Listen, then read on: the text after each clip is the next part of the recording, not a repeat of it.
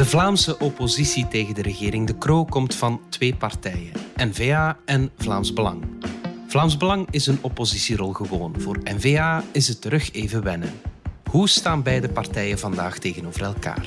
Het is maandag 30 november. Ik ben Alexander Lippenveld en dit is de podcast van De Standaard.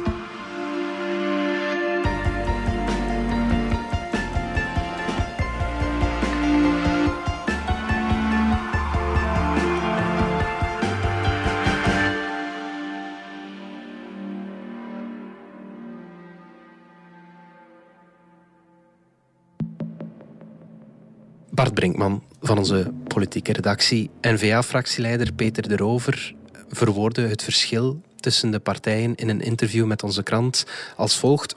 Wij mogen scherp zijn, wij mogen fundamentele vragen stellen, maar we moeten altijd, uh, het moet mogelijk zijn. Het mag bijna onmogelijk zijn, maar het mag nooit onmogelijk zijn. Daarmee wil de Rover het verschil tussen Vlaams Belang en N-VA illustreren. Waar zit dat verschil juist nog? Hoe moeten we dat interpreteren? Ja, hij heeft natuurlijk wel gelijk. De, de NVA heeft bestuurservaring, zit er nog altijd in de Vlaamse regering uiteraard. Dus de NVA weet beter dan Vlaams Belang dat besturen natuurlijk af en toe van u verwacht dat je realistische voorstellen hebt en dat Vlaams Belang daar eigenlijk minder mee vertrouwd is. Mm. Vlaams Belang kan bij wijze van spreken de hemel beloven of kunnen zeggen we gaan naar de maan of we gaan naar Mars. We gaan altijd verder. Dat is het voordeel van een partij die nooit bestuurd heeft en die eigenlijk ook ja, niet tot het establishment behoort. Ja, je kan vrij compromisloos uh, Je kan compromisloos van alles vertellen. Wat eigenlijk ook het voordeel van de PVDA is. Hè. Je kan compromisloos voorstellen doen en dan zeggen tegen de bevolking, kijk eens uh, wat wij allemaal kunnen of durven. Mm -hmm. Maar het verschil zit ook dieper. Voor mij is de ruimte die van een realistische Vlaamse uh, actieve mens die weet dat hij eigenlijk recht heeft op de opbrengst, op de vruchten van zijn uh, arbeid. En welke mensen spreekt Vlaams Belang dan aan volgens u? Ik denk dat het Vlaams... Ik vind idealistische Vlaamse... Idealistische, nee, ik denk... De, nee, irrealistische. Irrealistische, ah, irrealistische. irrealistische ja. Uh, ja. Ik denk dat die ook in hun discours zichzelf de vraag stellen, is het überhaupt mogelijk wat we zeggen? Het grootste verschil is, als we het even hebben over toch iets wat de twee partijen belangrijk vinden, namelijk migratie en asiel. Ja. Het grote verschil is eigenlijk dat N-VA ergens toch een inclusieve nationalistische partij is. Wat okay. wil ik daarmee zeggen? Van goed, we zijn hier Vlaanderen. Er kunnen vreemdelingen komen. Sommigen zelfs zijn welkom, zeker als ze een diploma hebben. En we gaan ervan uit dat met een goede inburgeringscursus en, en waarden- en normendiscours, et cetera, dat dat goede Vlamingen kunnen worden. Dat ze echt een onderdeel van de Vlaamse samenleving kunnen worden. Dat discours ga je bij Vlaams Belang niet terugvinden. Nee, de, ja. Vlaams Belang zit meer in een discours van ja, we zijn vol, we hebben geen vreemdelingen niet meer nodig. En als er vreemdelingen komen, zeker als ze moslim uh, roots hebben, dan is het eigenlijk onmogelijk om hen te integreren in de Vlaamse samenleving. Ja. De reden voor het inreisverbod in Amerika, weet je wat dat is? Dat is dat ze geen Europese toestanden willen met massa-immigratie en aanslagen. Ze willen niet, zoals in Europa, 365 dagen open deurbeleid. De vraag aan u, meneer de minister-president, is in plaats van uh, er afstand van te nemen, wanneer neemt u er eens een voorbeeld aan en gaan wij onze grenzen stevig controleren? Dat is een wezenlijk verschil tussen twee partijen. Dus ja. dat, is, dat is moeilijk om dat te overbruggen. Maar is dat wezenlijk verschil, bestaat dat ook in de hoofden van de kiezer? Want Theo Franken die stond graag voor een harde migratieaanpak. Dat is iets waar hij graag mee uitpakte op Twitter en allerlei andere kanalen. Zit dat ook in, in het hoofd van de kiezer dat daar zo'n wezenlijk verschil in is? Dat is natuurlijk een interessant punt. Ik denk inderdaad niet dat dat ook zo in de hoofden van de kiezers aanwezig uh, zit. En dat is natuurlijk het probleem van de NVA, ja. als ze kiezers verliest aan Vlaams Belang. Maar dat is evengoed het probleem van Vlaams Belang als ze kiezers verliest aan de NVA. In die zin zijn het een beetje communicerende vaten. Mm -hmm. Maar dat neemt niet weg dat er ideologisch wel echt een verschil is. En dat dat een beetje die, tussen aanhalingstekens, die Chinese muur is waar voorzitter Bart de Wever soms naar verwijst. Ja. Namelijk dat zij op een andere manier in de samenleving staan. Ja, ja, ja. Die Chinese muur, daar wordt wel over gediscussieerd of die nog recht staat. Vorig jaar Bij de onderhandelingen voor de Vlaamse regering hebben beide partijen drie weken lang intens gepraat over wat hun toekomst samen zou kunnen zijn in die Vlaamse regering. Ik besef dat ik niet de originaliteitsprijs ga winnen met dit geschenk. Het was uh, liedjes voorspelbaar. Anderen zijn er ook opgekomen. Een kratje paljas. Voilà, Maar uh, hij heeft mij ook iets meegebracht. Allemaal paljassen. Ja, blijkbaar, ja. Allemaal paljassen in uw regering, meneer De Wever. Geen slechte vragen stellen. Proficiat voor de overwinning, ik laat voor die graag. Hoe zit het met die Chinese muur? Ja, dat is, een, dat is ook een goede vraag. Ik denk dat die er wel staat, maar dat er af en toe wel redelijke gaten in zitten. En, en het was natuurlijk zo dat, zeker toen er een aantal weken werd onderhandeld, gepraat, dat we ons natuurlijk wel konden afvragen of, of dat die muur er toen nog wel was. Het probleem is een beetje dat we niet goed weten wat die onderhandelingen hebben opgeleverd. Uh, aan de twee kanten uh, heerst daar een zeer groot mutisme. We weten eigenlijk ook niet hoe serieus dat allemaal was. Dat weten we gewoon niet. Natuurlijk, in de beeldvorming is het iets anders. En zijn er toch wel nogal wat waarnemers die vinden dat Bart de Wever op die manier Vlaams Belang gededouaneerd heeft. Hè. Dus echt, ze mochten erbij horen. Schiet het op, de onderhandelingen met uh, meneer de Wever? Ah, het gaat vooruit, het loopt, verloopt in een constructieve sfeer en daar zijn we heel blij om. Is het een belangrijke dag voor Vlaams Belang vandaag hier in het Vlaams parlement? Ja, het is een heel belangrijke dag. We komen hier als tweede grootste fractie binnen. Ik moet je zeggen het al, veel verschillende journalisten. Uh, ik heb meer zenuwen nu dan met mijn eigen eetaflegging vijf jaar geleden. Als een jonge ploeg die aantreedt, met een goede mix en ervaring, maar toch een beetje stress uh, dat alles goed verloopt. Maar goed, ik denk dat op andere momenten die muur er nog wel staat. En dat je toch duidelijk een verschil ziet tussen het discours van, van de NVA en van Vlaams Belang. En dat het ook een beetje afhankelijk is van de plek. Bijvoorbeeld, er wordt wel eens gezegd dat die muur veel sterker is in het Vlaams parlement ja. dan bijvoorbeeld in de Kamer. En dat in de Kamer Kamerleden van Vlaams Belang en, en NVA veel amicaler met elkaar omgaan okay. dan in het Vlaams parlement. Natuurlijk heeft dat ook te maken met het feit dat, dat in de Kamer ze allebei in de oppositie zitten en ja. in het Vlaams parlement niet. Maar toch, het valt op. Dus ja. uh, blijkbaar is het dus inderdaad, hangt het ook af van persoon tot persoon. Mm -hmm.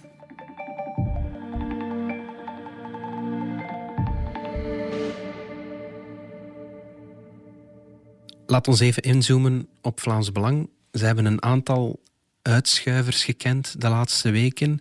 Uh, Carrera Neefs uh, was daar het voorbeeld van. Een gemeenteraadslid uit Wustwezel. Ze legt bloemen neer op het graf van een SS'er op Allerheiligen. Hoe schadelijk zijn zo'n dingen voor het Vlaams Belang? Goh, laten we zeggen dat het altijd vervelend is. Of het echt schadelijk is, dat durf ik soms betwijfelen, omdat het uiteindelijk gaat het om anekdotiek. Die, laten we zeggen, om de zoveel maanden, om de zoveel jaren heeft men daar wel eens last van. Maar laat ons eerlijk zijn, iemand als Carrera Neefs, dat is zelfs geen tweede rang, derde rang, dat is tiende rang. Dat is niet de essentie. Ik vind dat we soms moeten opletten om ons niet te veel blind te staren op dat soort. Um... Maar blijft dat niet hangen in de hoofden van de mensen? Het is heel beeldend. Hè? Iemand die bij een, het graf van een SS'er staat. Absoluut. Hitlergroeten hebben we ook ja, al gezien. Dat is waar, maar ook die is onmiddellijk uit de partij gezet. Ja. Ik denk niet dat dat blijft hangen. Um, zeker niet bij de modale Vlaams Belangkiezer. Dat blijft natuurlijk wel hangen bij, laten we zeggen, kritische waarnemers. Maar ik ga er altijd vanuit dat die sowieso niet op Vlaams Belang stemmen. Dus mm. in die zin, electoraal doet dat weinig kwaad. Ik vind dat we veel bezorgder moeten zijn om andere mensen die al in het parlement zitten. En dan denk ik altijd aan twee dezelfde. Aan de ene kant Sam van Rooij in het Vlaams parlement. Die is momenteel ook fractieleider in Antwerpen. Mijn boek heet Voor vrijheid dus tegen islamisering. En islamisering, ik zal even die term definiëren, want dat is wel heel belangrijk, is niet moeilijk om te begrijpen, betekent islamitischer worden. En dat slaat zowel op personen als op een samenleving, op een cultuur, op een beschaving. En ik leg in dit boek uit met talloze voorbeelden, honderden, hoe de islamisering van Vlaanderen, van West-Europa, hoe dat vandaag stap voor stap gebeurt. Dat is iemand die zodanig door de islamhaat bezeten is dat hij daar bij momenten vreselijke dingen over zegt. Zo bijvoorbeeld vertelde Van Roy in een interview in het Paliterke dat hij vond dat het moslimprobleem eigenlijk niet meer op democratische weg kon worden opgelost. Ja, wat wil, Dat je dan, gaat heel eigenlijk, ver, ja. wat wil je dan eigenlijk beweren? Wat, wat suggereer je dan eigenlijk? En dan in de Kamer heb je natuurlijk iemand als Dries van Langenhoven. eh, Die is langs de grote poort binnengekomen na Absoluut. de hele schild- en vriendensaga. Absoluut. Ja. Dus dat is toch iemand met een bepaalde pedigree, die niet alleen Trump en, en Orbán eh, bejubelt, maar ook iemand die voortdurend bezig is eh, met het of waarschuwt tegen de omvolking van het land.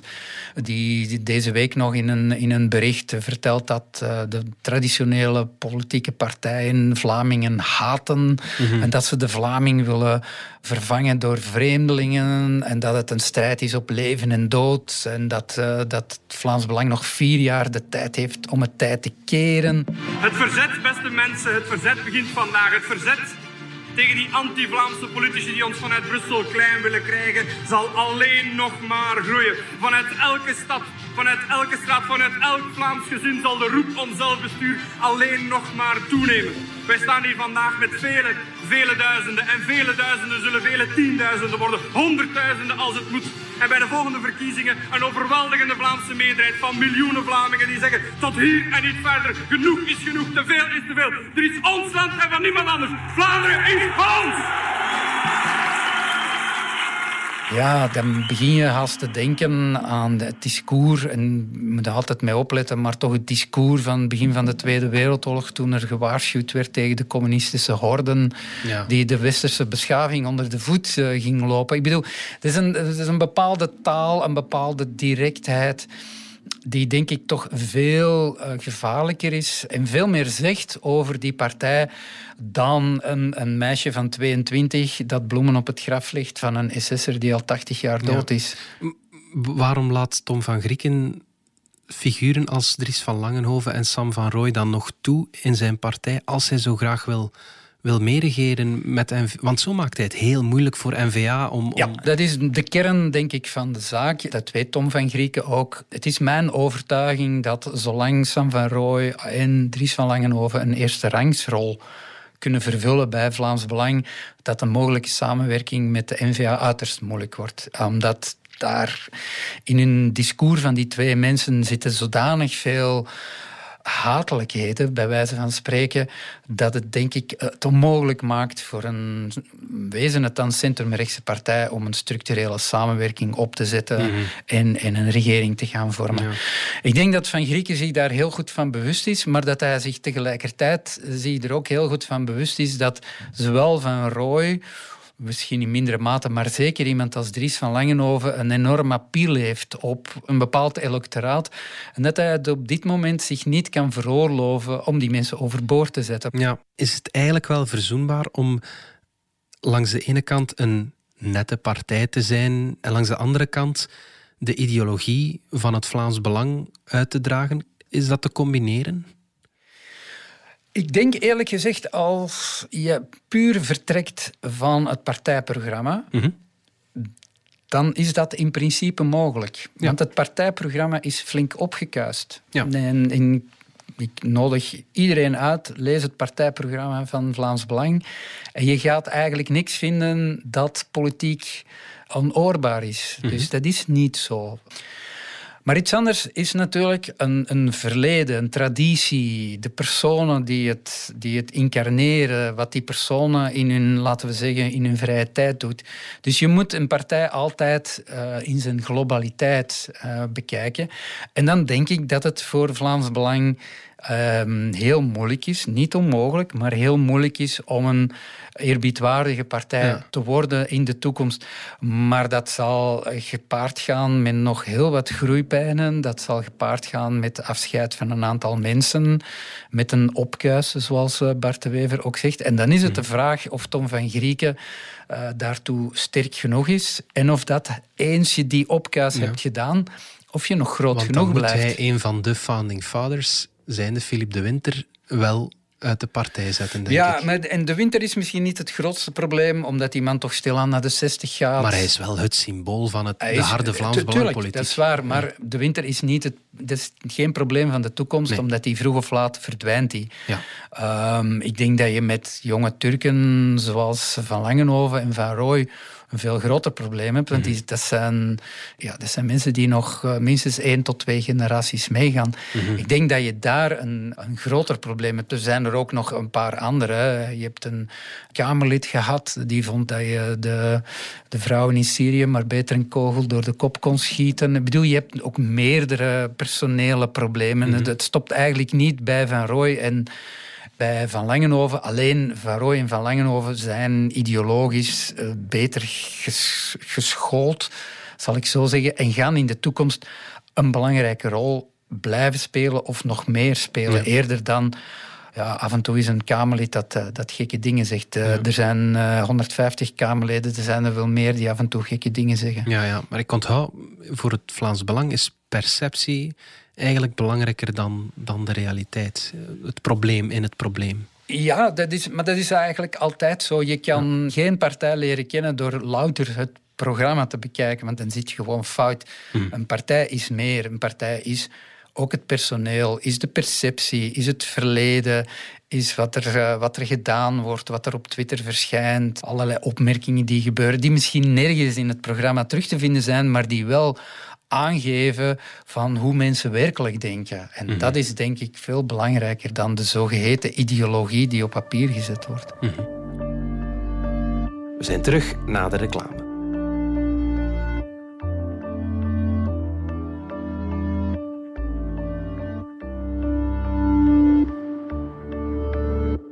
Ja, employer branding is belangrijk om u te kunnen onderscheiden van andere bedrijven. En ook om eh, top of mind te zijn bij kandidaten. En alles beweegt. Een podcast waarin Vlaamse CEO's en prominente HR-managers vertellen hoe ze hun onderneming en werknemers in beweging houden. Beluister de reeks op jouw favoriete podcast-app. VDHB. En alles beweegt.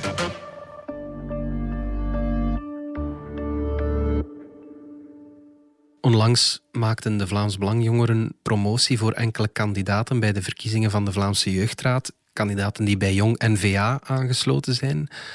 Waarom doen ze dat? Er Is dat om NVA wat te, wat te plagen? Ja, ongetwijfeld heeft dat misschien wel meegespeeld, maar, maar wellicht ook gewoon het idee van, goed, we zullen toch ooit eens moeten samenwerken als we samen die Vlaamse regering willen vormen in 24. En misschien kunnen we een voorafname doen. En het, ja, het, wijst er ook op dat er contacten zijn eh, tussen jonge NVA en de Vlaamse Belangenjongeren. Waarom niet ook? Hè? Dus die komen elkaar tegen. Dikwijls zitten die ook samen in organisaties, zeker zoals het KVAV, het Katholiek eh, Hoogstudentenverbond. Eh, nu goed, ik denk de jeugdraad, als je, laten we zeggen dat het aantal mensen dat deelneemt eh, aan de stemming eerder beperkt is. En je ziet natuurlijk ook wel, en dat heeft Schild en Vrienden bewezen bij de verkiezingen voor de Raad van Bestuur in Gent ehm, van de Universiteit van Gent, dat die partij natuurlijk wel weet dat dat soort verkiezingen, dat je die naar je hand kunt zetten door echt heel actief campagne te voeren. Ik denk niet dat ze het hebben gedaan om, laten we zeggen, de jong NVA vliegen af te vangen of om de verkiezingen in de war te sturen. Ik denk dat het ja, dat het een oprechte betrachting is om, ja, als er dan toch verkiezingen zijn voor de jeugdraad, daar te proberen zoveel mogelijk eh, rechts- of centrumrechtse eh, mensen in te krijgen. Dat, dat lijkt me ook legitiem om dat te proberen. Samenwerken doe je natuurlijk met twee. NVA moet ook op de kar springen. Je hebt in de partij een groep voor wie die samenwerking een optie is, maar ook daartegenover staat een groep voor wie dat een absolute no-go is. Hoe sterk staat die flank van de partij? Wel, dat is een, dat is een heel moeilijke vraag, omdat uiteindelijk de NVA heeft zelf ook nooit moeten beslissen. Je moet afgaan op bijvoorbeeld Jan Jan Bon die zegt van ja, ik betreur het dat de samenwerking niet is doorgegaan. Of Theo Franke die zegt ja, het is toch wel zonde en dat soort dingen meer. Maar uiteindelijk heeft men nooit moeten beslissen. Men heeft nooit de koppen moeten tellen. Maar het is wel zo dat daar verdeeldheid over bestaat. Ja. En dat een... eh, dat er een groep is voor wie dat, dat, laten we zeggen, te overwegen valt. En dat er een andere groep is uh, voor wie dat, dat eigenlijk niet te overwegen valt. Mhm. Een van de, de belangrijkste figuren van die laatste groep is natuurlijk iemand als Jan Peumans. Alleen die is van het toneel verdwenen. U had vaak kritiek op uw partij. Werd er dan geluisterd naar u? Of dachten ze, ja, hij is weer bezig, we kunnen hem negeren? Ja, mijn kritiek. Ik denk dat het eerder te maken heeft met een bepaalde visie die bij een aantal van ons kiezers eigenlijk toch wel gehoord wordt. Ik leid dat af uit de, altijd af uit de reacties die ik krijg. Ik krijg natuurlijk qua reacties hè, van je bent een nestbevuiler of zo. Maar goed, die mensen krijgen mij een keurig antwoord, want ik ben dat helemaal niet. Uh, maar ik merk het over het algemeen, ik zie dat nu ook van al de interviews die nu in de kranten verschenen zijn. Ik heb vandaag, laten we zeggen, 90% positieve reacties gehad en 10% uh, beetje zure reacties. Maar voor de rest, mensen, mensen horen dat graag. Mensen zeggen van, uh, er is ook iemand die is een beetje ander geluid laat horen over de partij. Maar dat is daarom niet om je partij uh, af te vallen. Dus gewoon om een keer af en toe geluid laten te horen wat afwijkt, of afwijkt, wat een aantal mensen in de partij ook wel waarderen. Wie gaat er die rol van luistende pels overnemen als hij met pensioen gaat? Ik zou niet weten. Er zal nog wel zo iemand rondlopen, hoop ik. Die is met pensioen gegaan. Dus in die zin zou je kunnen zeggen van die groep weegt misschien wat minder zwaar. Maar aan de andere kant is iemand als Kamerlid Valerie van Peel... Ja, staat hij ook niet echt bekend als een grote voorvechter van samenwerking met Vlaams Belang, om het mhm. eufemistisch uit te drukken. Dus ik denk dat die discussie daar gewoon heel moeilijk ligt. En dat we op dit moment heel... Ja, dat, dat het dat het moeilijk te traceren is um, hoe de verhoudingen zijn, mm. omdat, zoals ik al zei, de eindbeslissing niet gevallen is. Dat het probleem, als ik het zo mag zeggen, zich niet gesteld heeft. Ja, ja, Bart Wever zit nu in theorie in zijn laatste termijn als partijvoorzitter. Wordt dit voorwerp van discussie bij die volgende partijvoorzittersverkiezingen? Het woordje in theorie is natuurlijk heel interessant. Ehm, dus hij is partijvoorzitter tot 2023. Ik ga ervan uit dat hij dan daar een zevende termijn bij doet om de verkiezingen van 2024 mee te maken, zowel de parlementaire verkiezingen als de gemeenteraadsverkiezingen. Om de dood eenvoudige reden dat het mij niet slim lijkt om in 23 aan een andere voorzitter de eer te geven om de verkiezingen in te gaan, omdat je dan twee scenario's hebt. Uh, je hebt een, laten we zeggen, een goed scenario.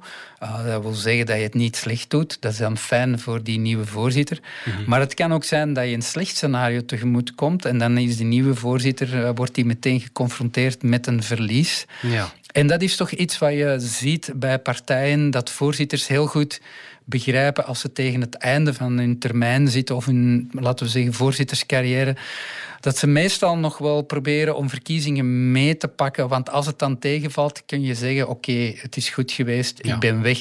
Dus ik denk eh, dat de nieuwe voorzitter van de NVA dat we die kunnen verwachten na de verkiezingen, wellicht na de gemeenteraadsverkiezingen van 24. Dus laten we zeggen dat hij er dan nog een extra jaar bij doet. Ja, je zei het al, 2024 is niet alleen het jaar van die Vlaamse en federale verkiezingen, maar ook van de gemeenteraadsverkiezingen. Gaat daar het cordon sanitair op bepaalde plaatsen breken? Dat is in ieder geval de grote inzet uh, van Vlaams Belang. Ze hebben nu al een, een laten we zeggen, een, een, lijst van speergemeenten waar ze absoluut denken dat het cordon om allerlei redenen uh, kan breken. Welke gemeenten zijn dat zo al? Of, of, weet Wel, ik zou het ook graag weten. Ja. Uh, in, in 18 stond men er bijvoorbeeld heel dichtbij in Ninove. Ja. Had daar de twee NVA'ers beslist om mee te gaan met Guy Daasleer. Ja, dan hadden ze daar een Vlaams Belang burgemeester gehad, maar ook daar is het toen niet gebeurd. Mhm. Ik denk dat we eerst moeten kijken naar de verkiezingsuitslag in mei, dus de Vlaamse verkiezingsuitslag. Wordt het Vlaams Belang dan de grootste partij? Gaan ze absoluut proberen om een coalitie te vormen? In de eerste plaats met N-VA. Hebben ze samen genoeg? Ja, dat, dat zullen we moeten afwachten. Dat kunnen we niet voorspellen. Mhm. Ik geloof nooit dat ze samen genoeg zullen hebben. Omdat ehm, ze ook van elkaar natuurlijk stemmen gaan afnemen. Gaan van elkaar stemmen afnemen. Uh, misschien gaan ze allebei wat zakken. Je kan het niet voorspellen. Ik vind in elk geval mensen die ervan uitgaan dat het dan wel zal gebeuren. We shall see. Dus, mhm. Maar goed, als de grootste zijn, gaan ze proberen een regering te vormen. Dat zal mm, wellicht moeilijk zijn. En dan heeft Van Grieken al aangekondigd dat hij het wil rekken tot de campagne voor de gemeenteraadsverkiezingen in volle gang is. September zal het dan zijn. Om dan te proberen een aantal gemeenten toch uh, binnen te halen. Ja. En nog eens of dat zal lukken, ik heb er geen flauw idee van. Mhm.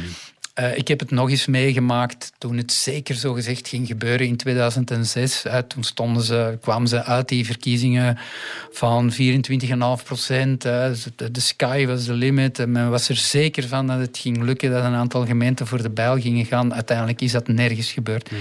Dus ik weet één ding, als het in 24 niet gebeurt, heeft Van Grieken een immens probleem. En ja, dan vrees ik dat hij zal moeten opstappen, omdat hij zodanig veel druk legt op die verkiezingen. Ja, dat het, bijna niet anders kan dat je, dat je je partij wezen het in de Vlaamse regering of dan toch in een aantal gemeentebesturen moet loodsen. Ja, goed. Bart Brinkman, dankjewel. Graag gedaan. Dit was de podcast van De Standaard. Bedankt voor het luisteren. Reageren kan via podcast.standaard.be. Alle credits vind je op standaard.be-podcast. Morgen zijn we opnieuw.